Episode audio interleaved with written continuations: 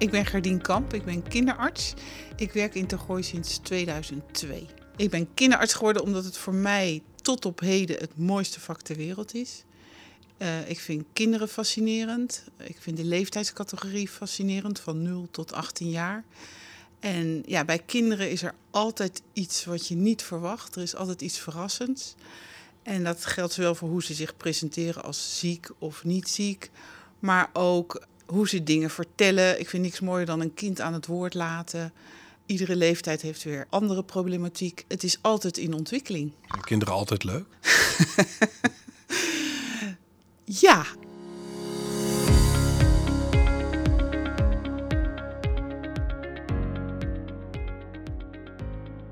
Het idee om de groeipolie te starten is uh, in 2008 ongeveer ontstaan. Toen werkte ik al een aantal jaren in Tergooi. Ik ben zelf ooit na mijn artsexamen twee jaar naar Amerika gegaan. En toen ben ik al met groei en puberteit in aanraking gekomen. Dus ik heb dat al heel jong geleerd. Ik heb daar ook fantastische leermeesters in gehad. Daar heb ik ontzettend geluk mee gehad dat die mij dat vak zo geleerd hebben. En uh, nadat ik uit Amerika terugkwam, ben ik in opleiding gegaan. Heb ik ook wetenschappelijk onderzoek gedaan naar groei en puberteit. Uiteindelijk ben ik daar jaren later op gepromoveerd, want ik heb groeistudies gedaan waarbij kinderen heel lang vervolgd werden. Nou, en toen dat allemaal klaar was, toen wilde ik echt dokter zijn. Ik dacht, ik vind wetenschappelijk onderzoek, wat ik heel veel gedaan heb, heel leuk. Maar het gaat me echt om de patiënt. En toen ben ik in Tergooi gaan werken. En toen merkte men dat ik wel vrij veel van groei en puberteit wist. Dus ik kreeg steeds meer verwijzingen en steeds meer mensen kwamen naar mij toe van... Goh, Gerdien, hoe doe je dit en hoe doe je dat? En dan hadden we altijd een incompleet verhaal of geen groeigegevens of geen handwoord of foto. En om een groeipuzzel of een puberteitspuzzel op te lossen heb je heel veel gegevens nodig, een compleet verhaal. Nou, en toen kreeg ik een keer een blessure aan mijn knie. En in diezelfde tijd kwam een keer een verpleegkundige naar mij toe van... Goh, zullen we samen een poli opzetten? Het lijkt me zo leuk. En toen was er ook een artsassistent geïnteresseerd. En toen hebben we eigenlijk met z'n drieën een soort format bedacht... waarbij je de ouders een vragenlijst stuurt vooraf... waarbij je de groeigegevens compleet hebt... waarbij je alles op één dag kunt doen. En dat is heel fijn voor de patiënt en voor de ouders, maar ook voor de dokters. Want dan kunnen we met elkaar voorbespreken en we kunnen met elkaar de puzzel oplossen. Nou, daar zijn we toen in 2010 mee gestart. In 2011 is Roel van Velzen de groeipolie komen openen. Dat was een fantastisch uh, gebeuren. Roel van Velzen, dat is uh, de artiest die niet langer is geworden dan? 1,53 meter. En in die tijd uh, was de Voice of Holland. En toen zag ik dat en toen dacht ik, jeetje, die man, dat is echt een fantastisch rolmodel voor hoe je met je talent moet omgaan in je leven. En dat het er eigenlijk niet toe doet of je klein of groot bent, maar het gaat erom wie je bent en wat je kunt. En dat is ook een boodschap die we heel vaak vertellen op de groeipolie. Want in één of twee van de tien kinderen stellen we een diagnose, maar bij alle andere kinderen stellen we geen diagnose. En dan is het zoals het is. En ja, waar gaat het om in het leven? Hè? Dat je doet met wat je kunt. En uh, nou, toen dacht ik, hij is de meest fantastische man om dat uh, te laten zien aan kinderen. Voor wie is bedoeld, de groeipolie? Het is bedoeld voor kinderen die te klein zijn of waarvan er zorgen zijn over de groei of waarbij de groei afbuigt.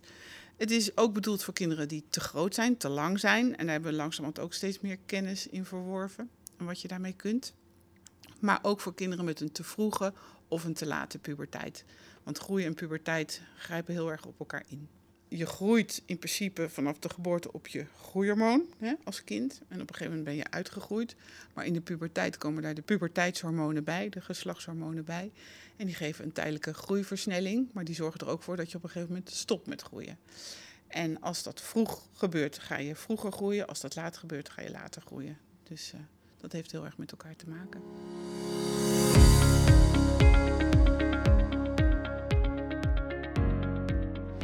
Zijn heel veel ontwikkelingen en daar ben ik ook wel heel trots op, want daar hebben we ook heel erg aan bijgedragen. Want we zijn toen in 2010 echt begonnen met systematisch alle patiënten te zien en ook alle gegevens te verzamelen. En uh, toen zijn er ook artsonderzoekers gekomen, ook gestimuleerd door een van mijn collega's. En die hebben de data op een rijtje gezet van, goh, als je goed kijkt, hoe vaak vind je dan wat en waar moet je vooral op letten om wat te vinden. En toen hebben we daar weer wetenschappelijk onderzoek aan gekoppeld, weer met mijn oude leermeester ook uit vroegere tijden. En daar hebben we heel veel van geleerd. En toen zijn we ook gevraagd om een richtlijn groei te maken voor Nederland. En daar hebben wij als Tergooi een hele actieve bijdrage aan geleverd. Dus dat was superleuk. En wat was die bijdrage? Die bijdrage was dat je niet alleen naar de lengte absoluut moet kijken, maar dat je vooral naar het groeipatroon moet kijken van het kind. Of, dat is een van de bijdragers. En dat een hele systematische aanpak veel meer brengt dan wat wij vroeger deden. Af en toe eens een beetje kijken. En, en nu is ook onze vragenlijst landelijk geïmplementeerd. En ons protocol wordt ook landelijk gevolgd. En er komen ook kinderartsen bij ons af en toe een dagje meekijken hoe wij het georganiseerd hebben. Het blijkt gewoon dat het heel goed werkt. En voor lange kinderen zijn er heel veel ontwikkelingen ook op genetisch gebied. Er worden steeds meer genetische oorzaken van groei gevonden, ook bij klein, maar ook bij lang. En ja, door goed naar de lichaamsverhoudingen van kinderen te kijken en goed te kijken hoe die kinderen eruit zien, daar kun je dan soms ook genetische aandoeningen mee opsporen. En dat is echt iets van de laatste jaren. Ik heb ook het idee dat kinderen ook steeds langer worden eigenlijk. Uh, het steeds langer worden van kinderen, dat is al aan de gang sinds 1800. En uh, de menstruatie bij meisjes begon ooit bij 17 jaar en is nu gemiddeld bij 13 jaar en 3 maanden. Dan stoppen ze toch met groeien, wordt vaak gezegd. Ja, dat is dus niet zo. Dat is een van de misvattingen, wat ik ook heel vaak uitleg. Als een meisje eenmaal gaat menstrueren, groeit ze gemiddeld nog daarna ongeveer 7 centimeter, maar nog tussen de 3 en de 11 centimeter. Dus het is niet zo, menstruatie is einde groei. Maar om terug te komen op dat kinderen steeds langer worden, dat is heel lang zo geweest. En we denken dat dat komt door de hele goede leefomstandigheden en ook door de veel zuivel- en melkproducten. En kinderen in Noord-Nederland zijn ook alweer langer dan in Zuid-Nederland. En wij zijn het langste volk ter wereld. Dat klopt allemaal. Maar de seculaire trend is nu wel gestopt, want we doen iedere 10, 13 jaar een groot groeionderzoek in Nederland. Daar maken we nieuwe groeicurves. Maar nu blijkt dat kinderen vooral dikker worden en niet meer langer worden. We groeien te veel in de breedte. Ja, dat is zeker zo. En dat is een heel nieuw aandachtspunt. Foto van de linkerhand wordt gemaakt om een skeletleeftijd te bepalen. Dat is de biologische leeftijd van een kind. Dan kan je zien in hoeverre de groeischijven bij een kind nog open zijn. In een hand zitten heel veel groeischijven. Die zitten ook in het lichaam, benen, in de armen. Maar in de hand kan je heel mooi zien hoeveel een kind ongeveer nog gaat groeien. Dus dan krijg je een soort biologische leeftijd. En bij iedere biologische leeftijd hoort een percentage restgroei wat je nog hebt. Dus dan kan je zo een eindlengtevoorspelling doen, ongeveer, van hoe lang een kind zal gaan worden. Want hoeveel kan je dan eventueel tussen aanhalingstekens miszitten als je zegt van nou, oké, deze lengte krijgt een kind? Dat is een hele moeilijke vraag. Hoe jonger een kind, hoe moeilijker het is om een eindlengtevoorspelling te doen. En hoe verder een kind is, hoe beter het is om een eindlengtevoorspelling te doen. En we zeggen nu Vooral bij lange kinderen willen we ze graag zien, de meisjes als ze 1,70 meter zijn en de jongens als ze 1,85 meter zijn. Want dan kun je echt iets zinnigs zeggen voor lange kinderen. En voor kleine kinderen kijken we vooral of het achterloopt of voorloopt. En dan gaat het niet zo precies om die precieze eindlengte. En ik hou er ook niet zo van om daar een uitspraak over te doen bij kleinere kinderen. Want dat heb ik wel gemerkt. Als ze dan een bepaald cijfer horen, dan willen ze dat halen. En als ze dat niet halen, dan is het niet goed of zo. En het is juist tegen mijn idee van het gaat er niet om hoe lang je bent, maar het gaat erom wie je bent. Dus uh, met kleinere kinderen ben ik daar voorzichtig mee om daar precieze uitspraken over te doen.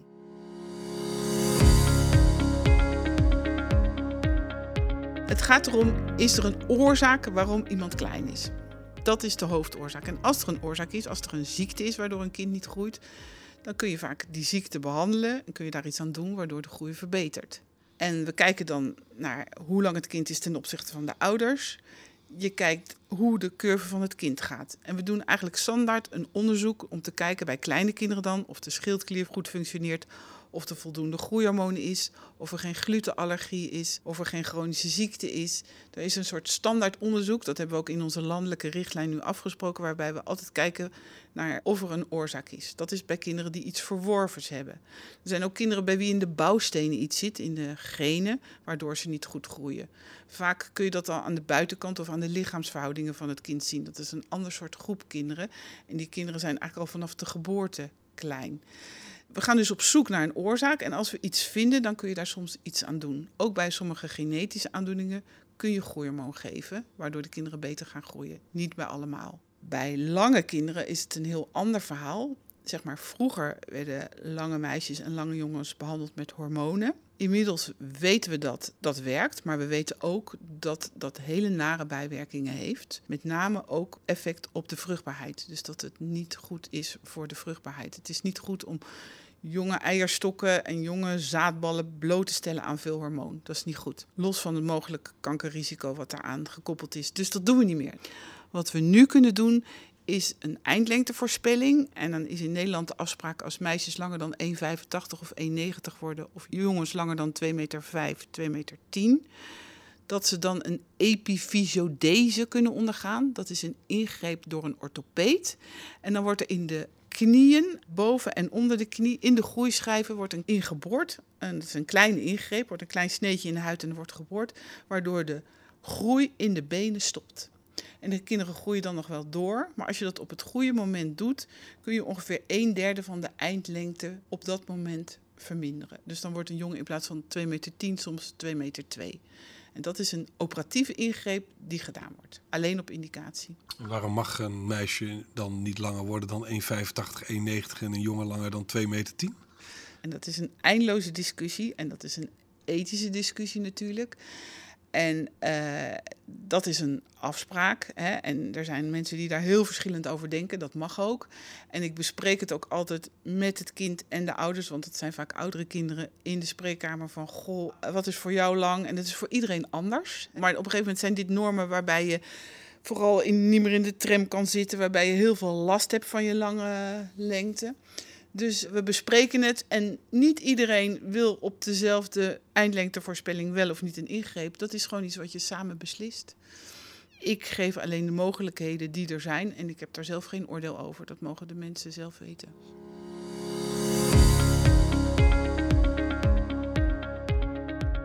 Nou, er zijn een aantal dingen waarvan het heel belangrijk is dat je ze opspoort. Bijvoorbeeld als er glutenallergie is, en dat is een diagnose die we echt vaak stellen. En wanneer een kind dan een glutenvrij dieet krijgt, wat op zich al een heel gedoe is, maar waarbij de meeste kinderen die echt slecht groeien door de glutenallergie, zich na zo'n dieet ook veel beter gaan voelen en ook beter gaan groeien. Dus dat is een diagnose die mag je eigenlijk niet missen als kinderarts. Dus dat is glutenallergie. Je hebt ook schildklierproblemen, komt ook redelijk veel voor. Dat betekent als een kind een schildklier heeft die te traag werkt, dat je daar iedere dag een tabletje voor moet slikken met schildklierhormoon. En dan gaat het kind ook weer goed groeien en voelt hij zich veel beter. Je hebt ook een groeihormoontekort. Dat komt ook niet veel voor, maar dat, die diagnose stellen we toch wel ieder jaar. En dan krijgt een kind groeihormoonbehandeling. Die krijgt dan het groeihormoon omdat hij het zelf onvoldoende maakt. En dan gaat het kind met groeihormoon ook beter groeien en zich energieker voelen. En ja, een ander, wordt het een ander kind.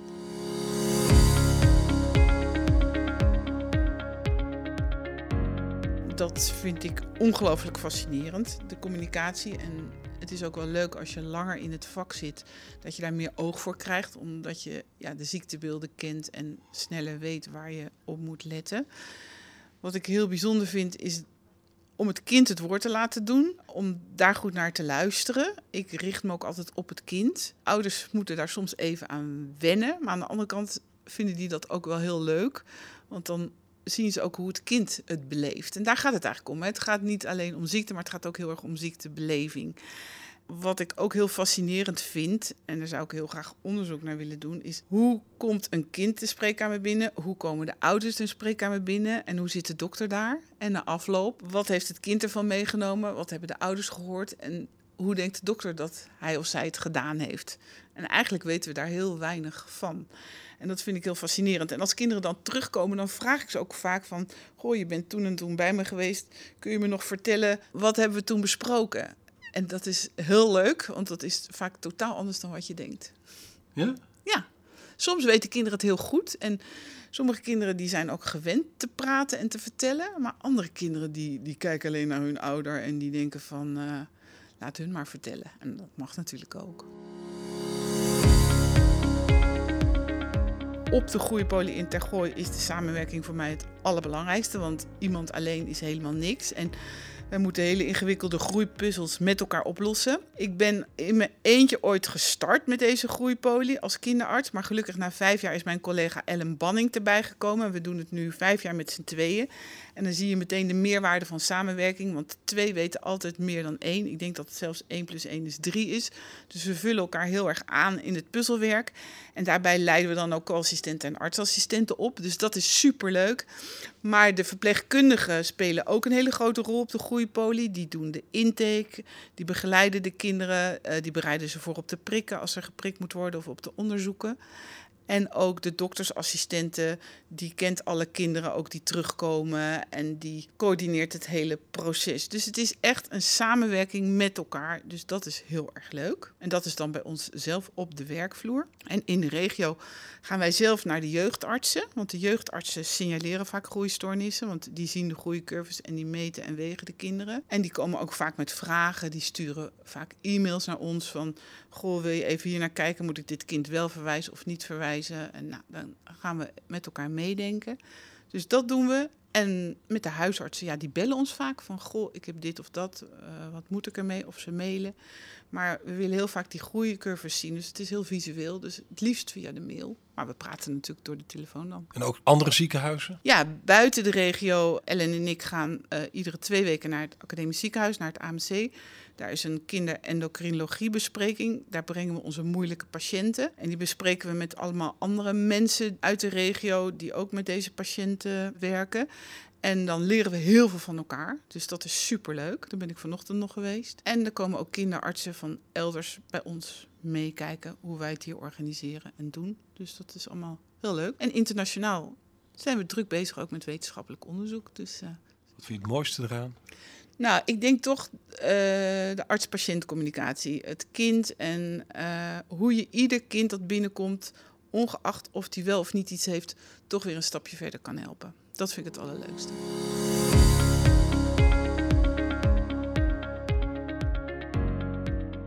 Dan is er ook nog een aantal binnengekomen vragen. En een daarvan is: wat zijn de effecten op lange termijn? Ik denk dat een van de effecten op lange termijn is dat als je geweest bent op de groeipolie en er is goed naar je gekeken. En je weet hoe het in elkaar zit. Ook al kunnen we niets doen, weet je waar je staat. En heb je een goede reële verwachting naar de toekomst. En dat kan een kind vaak veel verder helpen, denk ik. Maar misschien doelen ze op het effect van de lange termijn bij een kind dat een groeihormoonbehandeling krijgt. Dat hangt er een beetje vanaf waarom een kind een groeihormoonbehandeling krijgt. Als het is omdat hij zelf te weinig maakt, dan vul je iets aan en dan ja, corrigeer je eigenlijk iets bij het kind wat, wat er niet is. Dus dan doe je alleen maar goed. Maar we geven ook groeihormoon aan kinderen met bepaalde genetische aandoeningen. En daar wordt heel veel uitgebreid onderzoek naar gedaan. En van de meeste kinderen weten we dan ook nu, van de meeste aandoeningen weten we dat als je ze met groeihormoon behandelt, daar hebben we in Nederland heel veel onderzoek naar gedaan, is dat safe. En uh, controleren we daar heel goed op. Maar helemaal zeker weten, weet je het helemaal nooit. Maar bij een tekort aan groeihormoon heb ik als dokter geen enkele angst voor effecten op de lange termijn. Dan hebben we ook nog de puberteitsremming. Kinderen die te vroeg in de puberteit komen, om wat voor reden dan ook. Dan rem je de puberteit enige jaren. Dat doen we ook al meer dan 30 jaar. En heel vaak zijn de ouders dan bang voor de vruchtbaarheid op de lange termijn bij die kinderen. Tot nu toe hebben we daar geen enkele aanwijzing voor dat, dat, dat daar iets mee zal gebeuren bij puberteitsremming. In tegenstelling tot de groeiremming, die we zeg maar 20, 30 jaar geleden wel deden bij lange kinderen. Hè, dat heeft wel nadelige effecten op de lange termijn.